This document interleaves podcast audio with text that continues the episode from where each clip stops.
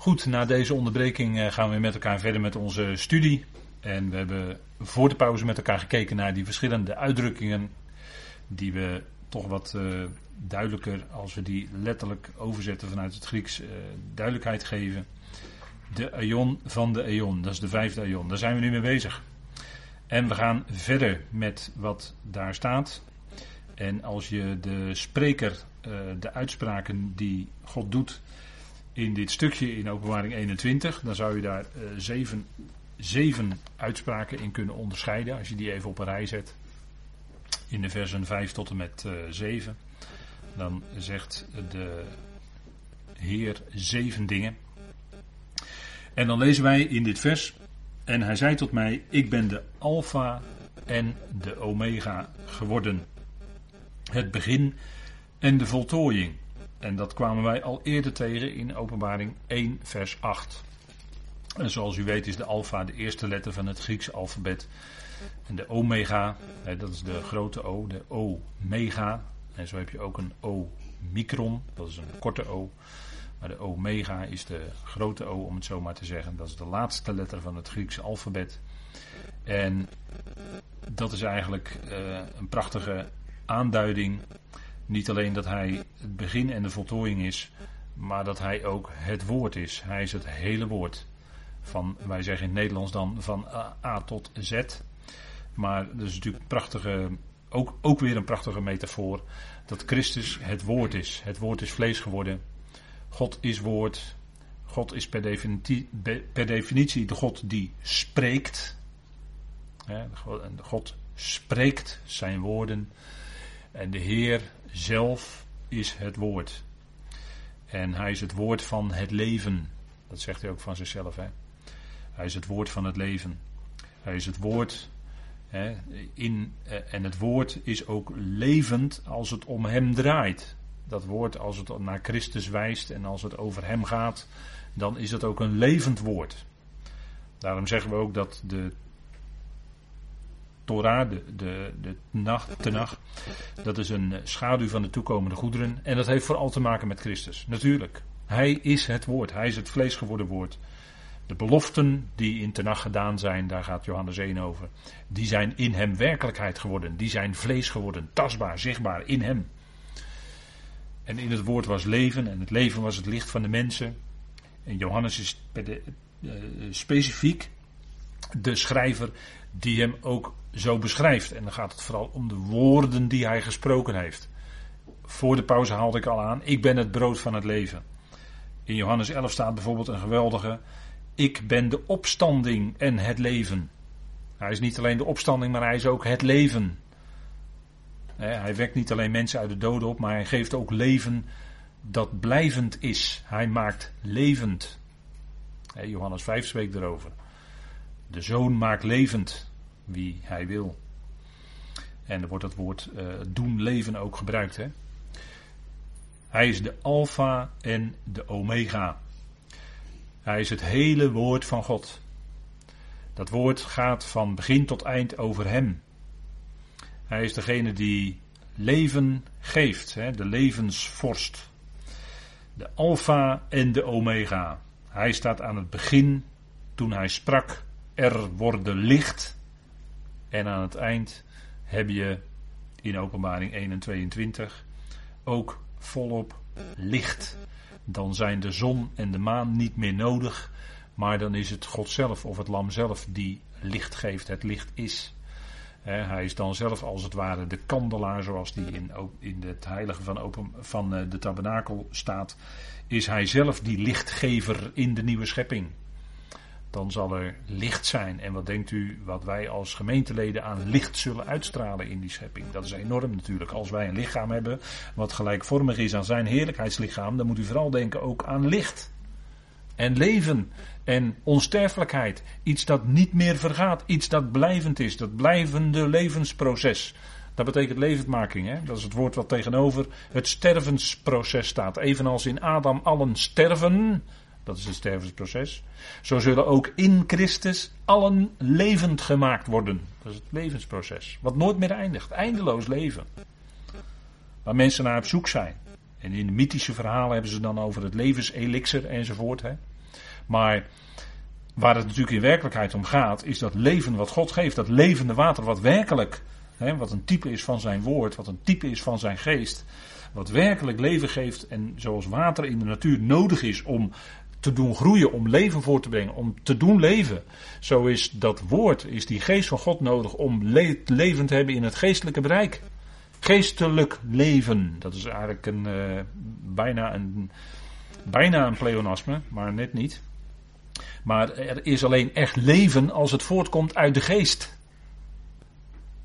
Er kan alleen maar echt leven zijn als het door de geest is. En uh, als je uh, nog een contrast tussen de vierde en de vijfde aion, om daar nog heel even op terug te komen, is. In de vierde aion staat misschien nog het zielsaspect voorop, maar in de vijfde aion staat het geestelijke aspect duidelijk voorop. dat is ook een, uh, misschien een verschil. En dat zal steeds sterker zijn werkzaamheid hebben. En hij is het begin, hij staat aan het begin en hij is de voltooiing. Dat is, uh, wordt natuurlijk van God ook gezegd. Hè? Alle dingen zijn, of het al is uit hem. Hij is de bron. Alles is door hem. En alles is ook naar binnen hem, hè, tot hem. Dat wil zeggen, hij, is aan, hij staat aan het begin en hij voltooit het ook. Hè. Uh, ja, dat begin dat is eigenlijk het, allereerste oerbegin, om het zo maar te zeggen. Uh, dat is misschien wat te veel gezegd, maar het, het echte begin. En hij is ook de voltooiing. Daar gaat het om een woord, uh, dat kent u wel, dat is telos in het Grieks. En dat uh, kun, je, kun je ook goed vertalen met doeleinde. Het komt tot een einde, maar het is dan ook tot zijn doel gekomen. Dus hij is het begin en de voltooiing. Hij begint aan iets, maar hij maakt het ook af. Hij is degene, geweldig woord uit Jezaja, hè. Daar waren we van de week, Lies en ik waren daar van de week over in gesprek over Jezaja 46, hè, wat daar staat. Uh, er staat, denk aan de dingen van vroeger af, van oude tijden af, dat ik God ben en niemand anders. God, en er is geen ander dan ik. Die vanaf het begin verkondigt wat het einde zal zijn. Van oudsher wat nog niet plaatsgevonden heeft. Die zegt, mijn raadsbesluit houdt stand en ik zal al mijn welbehagen doen. Geweldige woorden uit Jezaja 46 vers 9 en 10. Hij verkondigt vanaf het begin het einde. Hij laat zien vanaf het begin wat het einde is. En die woorden van God die hebben werkingskracht. Hè. In Jezaja 45 werd al gesproken dat voor hem alle knie zal buigen. En dat alle tong hem zal beleiden. Wat door Paulus verder uitgewerkt wordt. Maar het werd in Jezaja al gezegd. En die woorden die, hebben een, die zullen een uitwerking hebben zelfs tot voorbij de eonen. Want Gods woord heeft zijn uitwerking tot voorbij de eonen. Dan heeft het nog werkings- en zeggingskracht. Dat woord zal helemaal vervuld worden. Dus hij begint aan iets. En het geweldige is, God maakt het ook af. wij beginnen aan ons leven en we kunnen dan iets hebben waarvan we zeggen, nou dat is ons levenswerk. Maar aan het eind van je leven heb je misschien al zoiets van, ja het is toch nog niet helemaal af. Ik had nog meer willen doen of ik had het nog preciezer willen doen of nog beter willen doen. Dat is allemaal menselijk, hè? Zo menselijk. Maar God maakt tot in volkomenheid af waar hij aan begon. Hij begint in de kiem, en dat is dan een oude schepping, zeggen wij. Maar hij komt in die nieuwe schepping, die zal hij tot voltooiing brengen. Hij maakt het ook af. Dat is het geweldige. En dat staat ook al in Jezaja 41. Hè? Dat hij het begin en het einde is. Wat we net al gelezen hebben. Maar eh, we kunnen die woorden even naar voren halen. In Jezaja 41 vers 4 staat. Wie heeft dit bewerkt en gedaan? Die de generaties riep vanaf het begin. Ik, Yahweh, die de eerste ben. En bij de laatsten ben ik dezelfde. Dus hier vinden we al die uitspraak hè, in feite, waarvan openbaring dan een weerklank is. Hè, of het klinkt door in openbaring zou je kunnen zeggen. Daar hoor je die woorden van die profeet in terug. En dat hebben we ook met elkaar vastgesteld voortdurend toen we het boek Openbaring bespraken met elkaar. Dat de lijnen die in Tenach, in de profetieën worden getrokken, die komen uit in openbaring. En dit is weer zo'n punt. Hè. Het werd in Jezaja al gezegd en het klinkt door in openbaring. En zo vinden we dat ook terug in uh, Jezaja 44 vers 6. Er staat, zo zegt Yahweh, de koning van Israël, zijn verlosser, Yahweh Zebaot, hè, van de legermachten. Ik ben de eerste en ik ben de laatste. En buiten mij is er geen God. dat woord eerste heeft dan te maken met Rosh, het begin. He. En laatste is dan wat er achteraan komt, of wat uiteindelijk komt. Dat is Acharon, hier in het Hebreeuws. En dat is in feite hetzelfde als wat in het Griek staat. Hè? Het begin en het einde, de voltooiing. Hè? Dus uh, de arche en de telos is dan in het Grieks. Hè? Hij staat aan het begin en hij komt ook daadwerkelijk tot zijn einde. Nou, Jezaja 48, daar uh, lezen we dat ook. Hè? Worden ook diezelfde begrippen gebruikt. Jezaja 48, vers 11. En er staat, omwille van mij, omwille van mij doe ik het. Want hoe zou mijn naam ontheiligd worden? Ik zal mijn eer aan geen ander geven. Luister naar mij, Jacob, Israël, mijn geroepene. Ik ben dezelfde. Ik ben de eerste. Ook ben ik de laatste. Ook heeft mijn hand de aardige grondvest en mijn rechterhand heeft de hemelen uitgemeten. Roep ik ze, dan staan ze er tezamen. Nou, dat is de werkingskracht en de zeggingskracht en de kracht van het woord van God. Hè. Hij, is, hij is aan het begin, hij is de eerste en de laatste.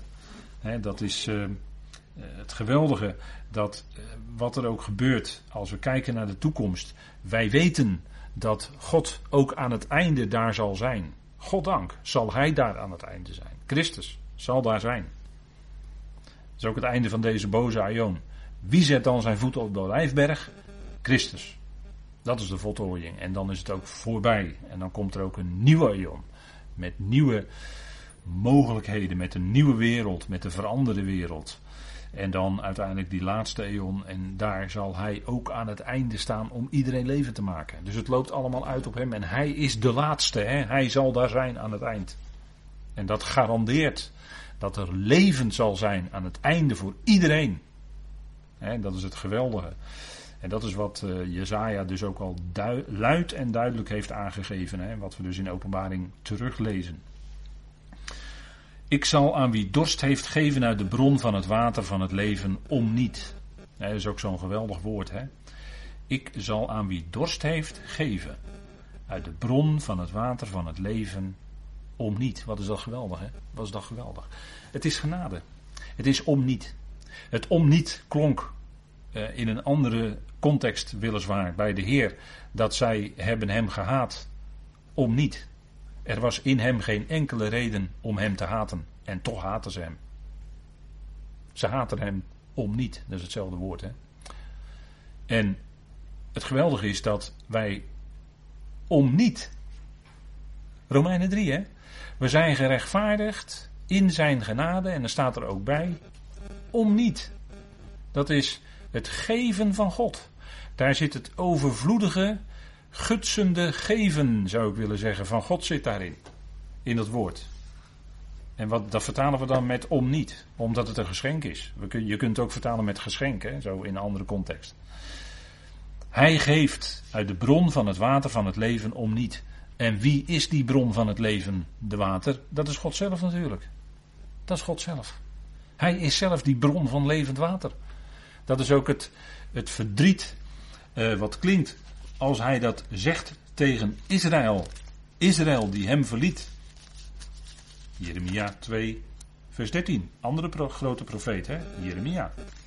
Daar zegt Jeremia, of daar zegt de Heer via Jeremia. Want mijn volk heeft een dubbel kwaad gedaan. Mij, de bron van levend water, hebben zij verlaten. Om zich bakken uit te hakken, lekkende bakken, die geen water houden. Dat is natuurlijk een uh, leuke beeldspraak voor afgoden. Dat zijn lekkende bakken. En uh, dan kom je van, uh, dan, dan heb je te maken met lek en gebrek hoor, bij afgoden. Dat is niks. Maar de bron van levend water, die hadden ze verlaten. Dat is de Heer zelf, dat is Yahweh. Hij is de bron. Hij is de bron van alles. Van levend water natuurlijk. En als mensen de Heer ontmoeten, dan ontmoeten ze ook de bron van levend water. Hij die uh, in staat was om water te geven waarvan ze nooit meer dorst zouden hebben. Maar hun dorst zou voor altijd gelest zijn. En als je dat woord tot je neemt als levend water, dan zul je elke keer weer in de goede zin dorst hebben naar dat levende water. Heeft u dat ook? Als je soms uh, aardig wat berichten leest, dan word je op een gegeven moment een beetje mismoedigd ervan. En dan wend je je tot het woord van God. En dan merk je dat je dat weer van binnen verfrist. Dat je dat weer opbouwt. Dat je dat weer opbeurt, bemoedigt. Dat is het levende water van het woord. Dat is wat je weer uh, nieuwe, nieuw zicht geeft. Wat je weer het juiste zicht geeft op hoe het zit. En uh, dan, dan, is je, dan wordt je dorst daadwerkelijk gelest. En alle andere dingen uit de wereld is allemaal maar surrogaat. Hoe leuk het en hoe mooi het ook kan zijn. Maar het is surrogaat. Het lest je dorst niet definitief. Dat kan alleen hij. Met een hoofdletter. Hij is die bron van levend water. Hij is degene die daadwerkelijk aan degene die dorst heeft geeft. En die bron is onuitputtelijk. blijft altijd stromen. Dat is het wonderbaarlijke van bronnen in de natuur. Als je er tegenkomt, er blijft altijd water uitkomen. Dat is geweldig. En dat is wat, wat God in de natuur eigenlijk als een type weer laat zien. Wie hij zelf is. Kun je daarin ook zien. Altijd fris, helder, stromend. Hè, want levend is stromend water. En dat, dat water blijft ook in je stromen als je bij gelegenheid ook een andere kan doorgeven. Dat is fijn als je met anderen in gesprek bent. En je kan iets daarvan doorgeven als God het geeft. Hè. Dat is natuurlijk altijd als God het geeft. Het is geen moeten, het is geen eh, proberen, maar het is iets wat, ja, dat leeft in je. En als je dan een gesprek hebt, kan het best zijn dat het gesprek daarop komt, op de geestelijke dingen. En dat is fijn. Kijk, hij geeft het om niet. Dat is gratis. Dat is voor niets. Dat is genade. Dat is het hele evangelie. Dat is de grondtoon bij het evangelie van Paulus. Genade. Dat is geweldig, hè? En misschien volgt u de stukjes woord vandaag. Dan gaat het in Romeinen 4 over dat Paulus aan het bewijzen is dat het gaat om geloof. En geloof is het tegengestelde principe van de werken. Geloof is het principe dat overeenstemt met genade. En die begrippen horen bij elkaar. Dat is los van onze werken. Gelukkig wel. Het brengt je in de goede zin in ontspannenheid. Weg krampachtigheid. Weg druk van wetticisme. Nee, het is genade. Het is om niet. En wat heerlijk klonken, klinken dan woorden in een mens. Als die mens misschien jarenlang gebukt is geweest onder. En hoef ik dat verder niet in te vullen. Maar als dan deze woorden echt gaan doorbreken in de mensleven. Ja, dat geeft ontspanning. Dat geeft. Ja, het is, het is om niet. Het is om niet. Het is in zijn genade. Het is, het is niet in onszelf. Nee, het is de vrijkoping in Christus Jezus. Is niet in onszelf. Heeft niets met ons te maken in die zin. Het is van hem uit. Hij is de bron. Hij geeft het. dat is het, eh, ja, dat is een geweldig woord hoor, dat om niet. dat is maar een klein woordje in het Grieks, maar het zegt zoveel. Het is dat, dat overvloedige schenken wat God doet. En, en daar leven we van, daar, daar, daar leven we bij, daar leven we uit, daar leven we in, dat is ons leefklimaat. Ik kan het niet genoeg benadrukken dat wij leven in genade. Staat dan in de vrijheid waarmee Christus je vrijgemaakt heeft. Dat is die genade. Genade van God. Garis. Om niet. Begunstiging. Waarom? Omdat jij zo beste was? Nee, er was niks in jou. Dat betekent het om niet. Er was niks in u en mij om genade te geven, om die heerlijkheid te geven, om je te rechtvaardigen. Helemaal niks. Nee, God geeft het. Hij geeft ook jou dat geloof nog. Nou, wat, dat, dat is toch geweldig? Dan kun je toch alleen maar zeggen: Heer, dank u wel.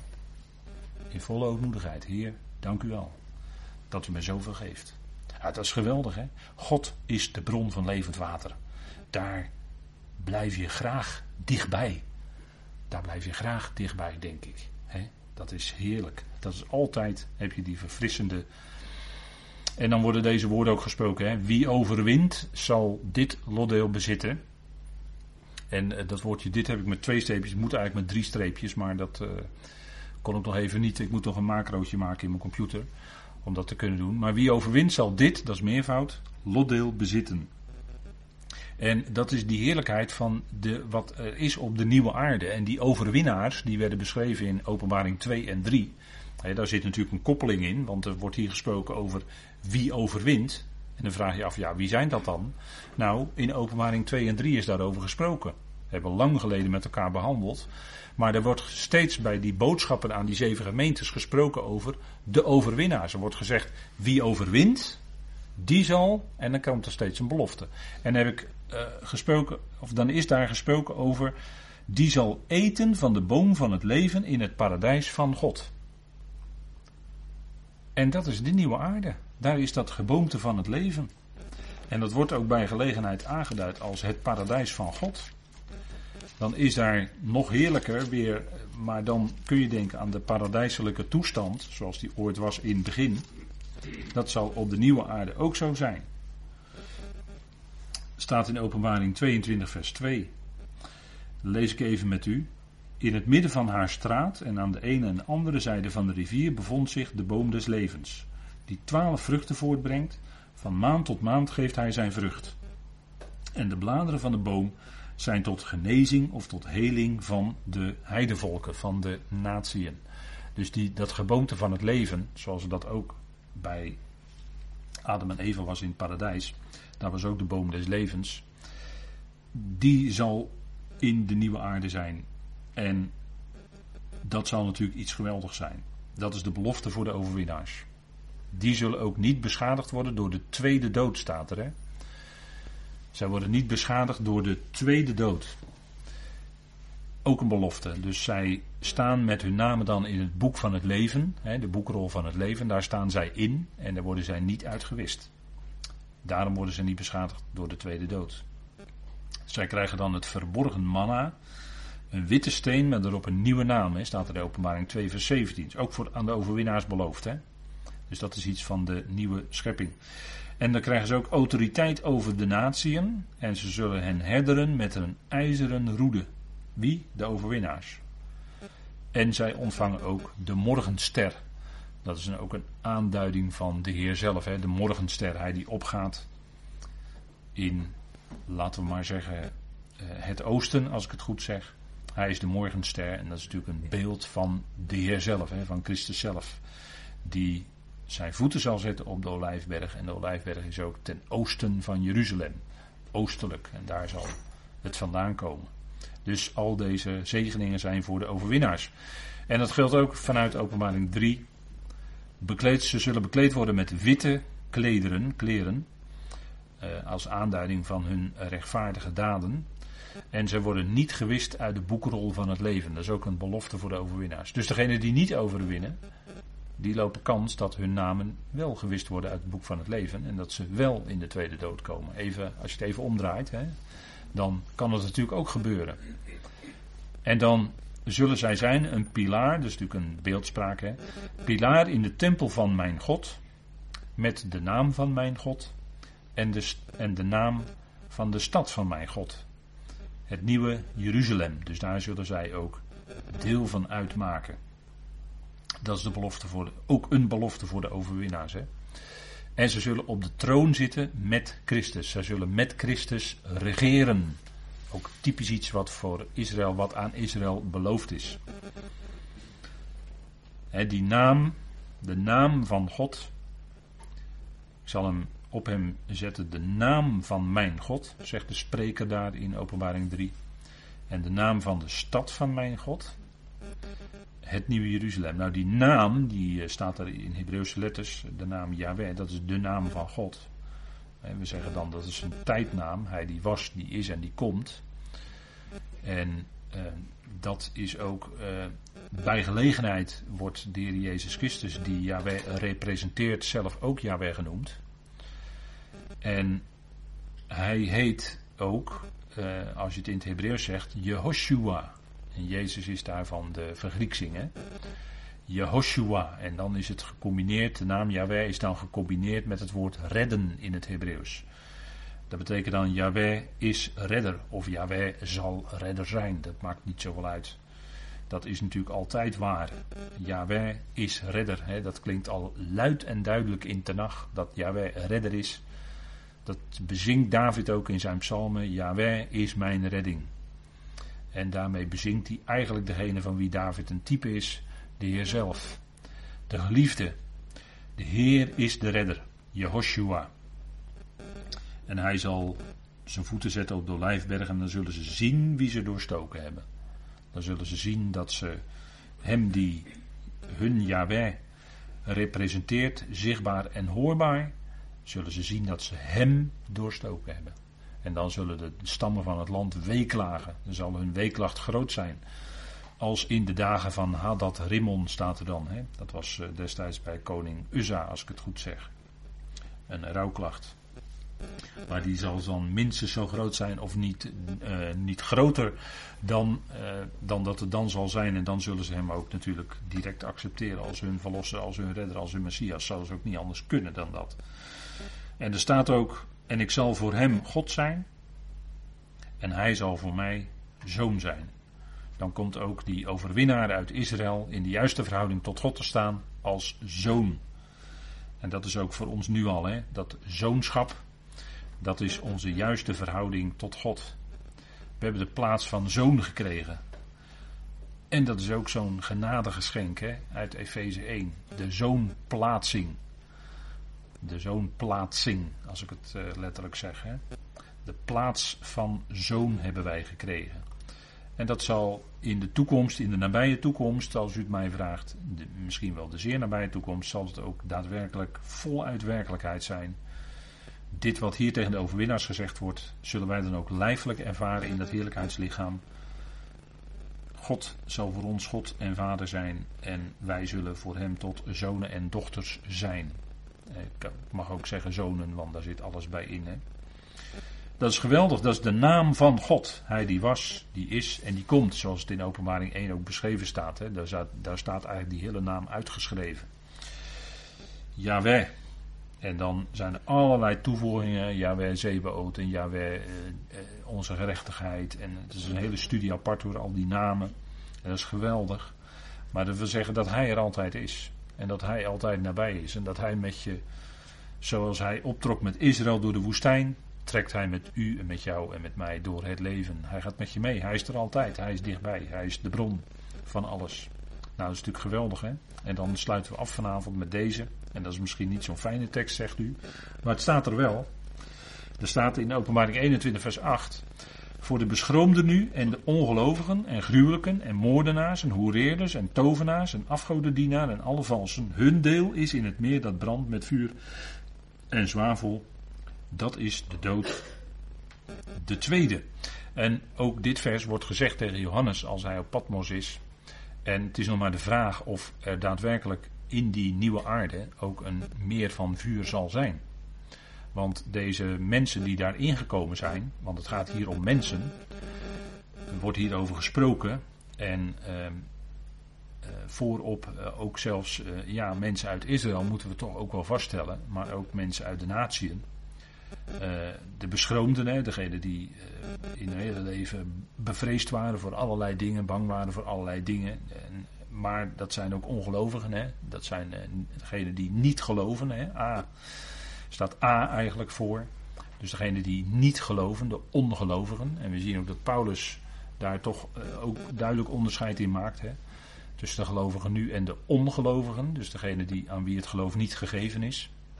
Gruwelijken heeft natuurlijk ook te maken met uh, de dingen die ze hebben gedaan. De afgodendienaars. De moordenaars en de hoereerders. En, en dat heeft uh, niet alleen natuurlijk met mensen te maken die uh, als we het even toespitsen op de eindtijd, uh, te maken hebben met uh, de afgoderij die in de eindtijd op grote schaal, schaal, zal plaatsvinden. Als men het beest en het beeld van het beest verplicht moet gaan aanbidden, dan zal het ook gepaard gaan met allerlei, mm, wat, wat we maar zullen aanduiden als zeer onverkwikkelijke zaken die hier genoemd worden. moordenaars, hoereerders, in de loop van de tijd uh, was de tempeldienst bijvoorbeeld aan Astarte ging ook gepaard met de tempelprostitutie. Nou, dat was natuurlijk één grote hoererijbende die daar plaatsvond. En zo zal het ook in de eindtijd zijn. De aanbieding van het beest en het beeld van het beest. Daar zullen deze dingen ook uh, mee gepaard gaan. De tovenaars, dat zijn de pharma, pharmakuis, pharmakos, als ik het in het Grieks zeg. De tovenaars. Uh, zijn we al eerder in openbaring 9 tegengekomen. Hè? En dat is ons Grieks, dat is ons woord wat wij nu wel kennen als farmacie. Dat is een Grieks woord. Dus de tovenaars, dus dat zijn degenen die zich bezighouden met allerlei, uh, ja natuurlijk ook met allerlei occulte zaken en dergelijke. En je ziet ook dat als je daarover leest, alleen dan moet je wel moeite doen om bij redelijk betrouwbare bronnen te komen. En dat is allemaal niet zo uh, fraai, maar uh, aan, de, aan de kant zeg maar, van de tegenstander. Uh, daar, daar is een verschuiving geweest. laten we maar zeggen, belangrijke mensen binnen die groeperingen, van die de tegenstander aanbidden enzovoort. Is een verschuiving geweest in leidinggevende van de vrouwen naar de mannen. En dat heeft te maken met de komst van de antichrist. Dat heeft te maken met de komst van de antichrist. Dus mensen die hoog in die, laten we maar zeggen, in die occulte zaken zitten. Ehm, dat, ehm, ja, die hebben een bepaalde betiteling, maar er is in de afgelopen honderd jaar een verschuiving gekomen. Er is een verschuiving gekomen van de vrouwen naar de mannen. En mensen die daar veel van weten, die zeggen dat het te maken heeft met de komst van de antichrist. Dat het voorbereid moet worden. En dat heeft dan ook direct te maken met afgodendienaren. Hè. Dat heeft, uh, uh, ja, daar is ons woord eidolon, hè, dat is ons woord idool van afgeleid.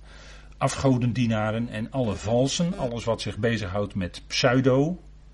Hè. Hun deel zal zijn in het meer dat brandt met vuur en zwavel, dat is de dood, de tweede. En daaraan kun je zien dat het hier over mensen gaat. Want uh, daar waar het gaat uh, bijvoorbeeld over het beest en de valse profeet, uh, die zullen gemanifesteerd, um, die zullen als mens zich manifesteren. Die zullen zich als mens manifesteren. Maar dat blijkt kennelijk te gaan om geestelijke machten, want als er van hen gezegd wordt dat zij in die vuurzee geworpen worden, dan blijven ze daarin leven. En dat hebben we al met elkaar natuurlijk besproken. Maar ik heb hier twee teksten aangehaald, die wil ik even toch met u nog even in dit verband naar voren halen. Openbaring 19, vers 20. En het beest werd gegrepen en met hem de valse profeet, die in zijn tegenwoordigheid de tekenen gedaan had, waardoor hij hen misleid had, die het merkteken van het beest ontvangen hadden en die zijn beeld aanbeden hadden. Dus uh, dat gaat natuurlijk in de eindtijd gebeuren. En dan gaat men het merkteken van het beest ontvangen in samenhang met het verplichte aanbidden van het beest en het beeld van het beest. Deze twee, dus het beest en de valse profeet, die worden geworpen, die worden levend geworpen in de poel des vuurs. Of in het meer van vuur. En dan wordt er niet gezegd dat dat de tweede dood is. Dus kennelijk moeten we de conclusie trekken dat ze daarin blijven leven en dan kan het niet gaan om mensen. Want als mensen in die vuurzee komen, gaan ze daarin dood. Voor mensen is het de tweede dood. Dus het gaat hier kennelijk om geestelijke machten die zich kunnen manifesteren als mens.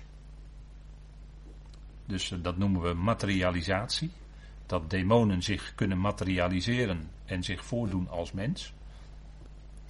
En uh, men zegt, men zegt, en misschien is dat wel zo, dat bijvoorbeeld de Maitreya ook een manifestatie was van iemand die gematerialiseerd was, een demon die zich kon materialiseren tot mens.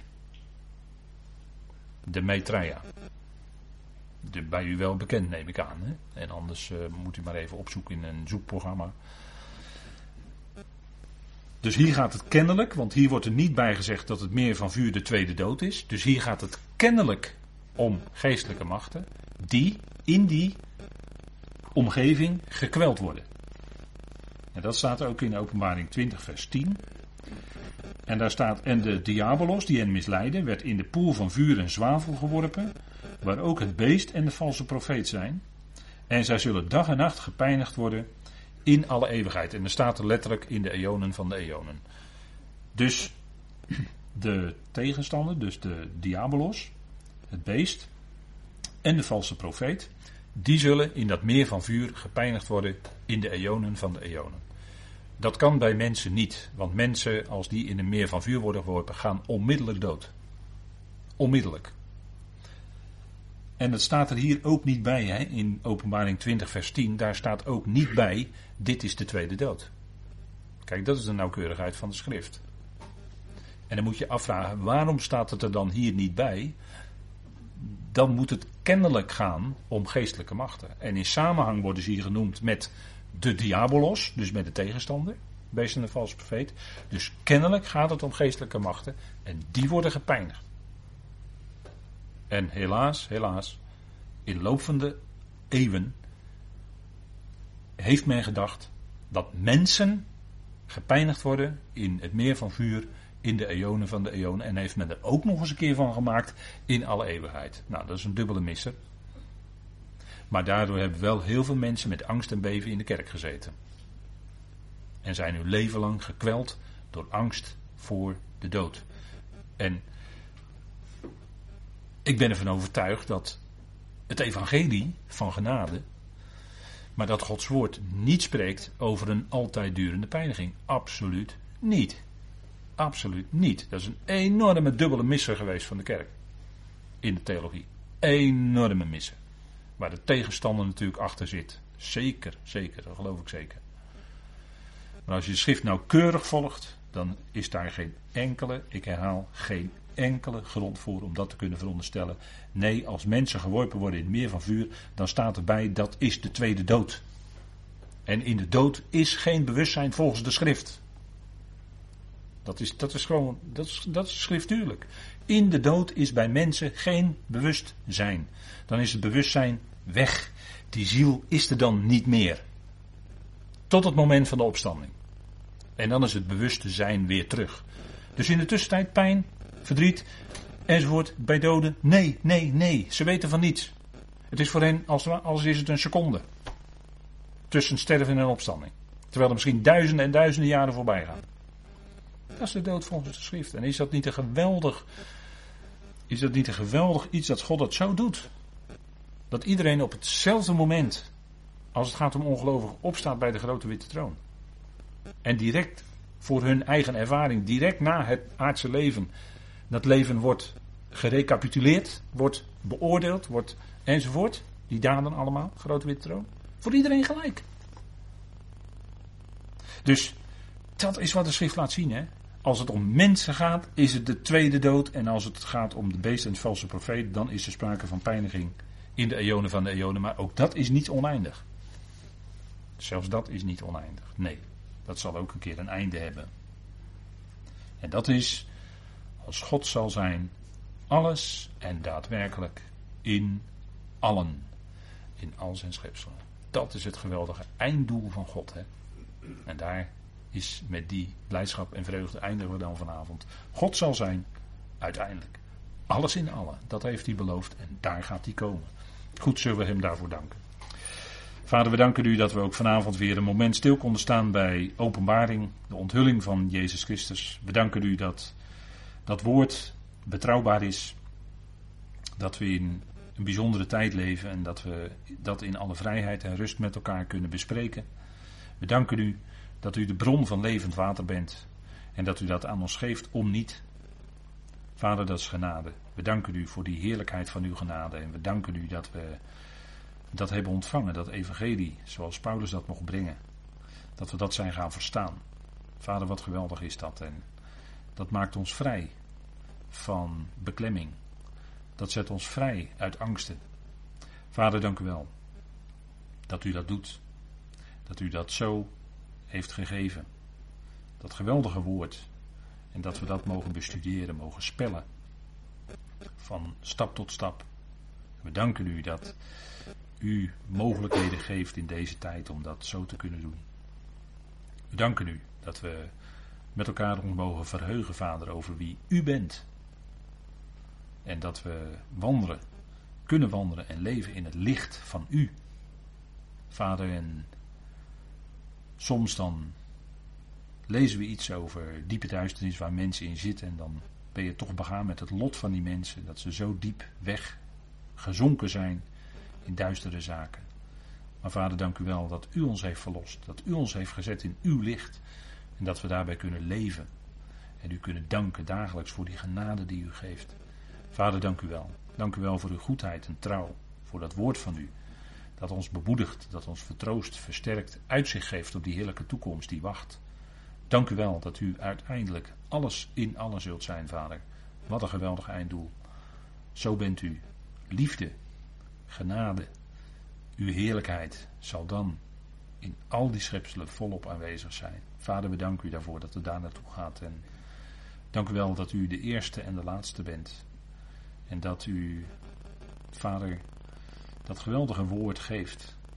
Dat ons van dag tot dag bemoedigt. En ons innerlijk door dat woord ook van dag tot dag vernieuwd wordt. Dank u wel voor ieder die vanavond hier kon zijn. Dat we dat woord en ook in gesprekken met elkaar kunnen delen. Dank u wel dat we Vader, mogen danken voor degenen die op afstand via beeld en geluid met ons verbonden waren. Of misschien degenen die dit later horen. Dank u wel voor die verbondenheid in u met elkaar. Dank u wel voor die gemeenschap. Dank u wel voor uw trouw en goedheid. Dat u ook met hen bent die het moeilijk hebben. Die te maken hebben met lichamelijke klachten. Vader wil daarin verlichting geven en artsenwijsheid geven om het goed te herstellen. Vader, dank u wel dat we zo u mogen danken voor uw trouw en genade dag aan dag. Draagt u ons. We danken u daarvoor in de naam van uw geliefde zoon. Amen.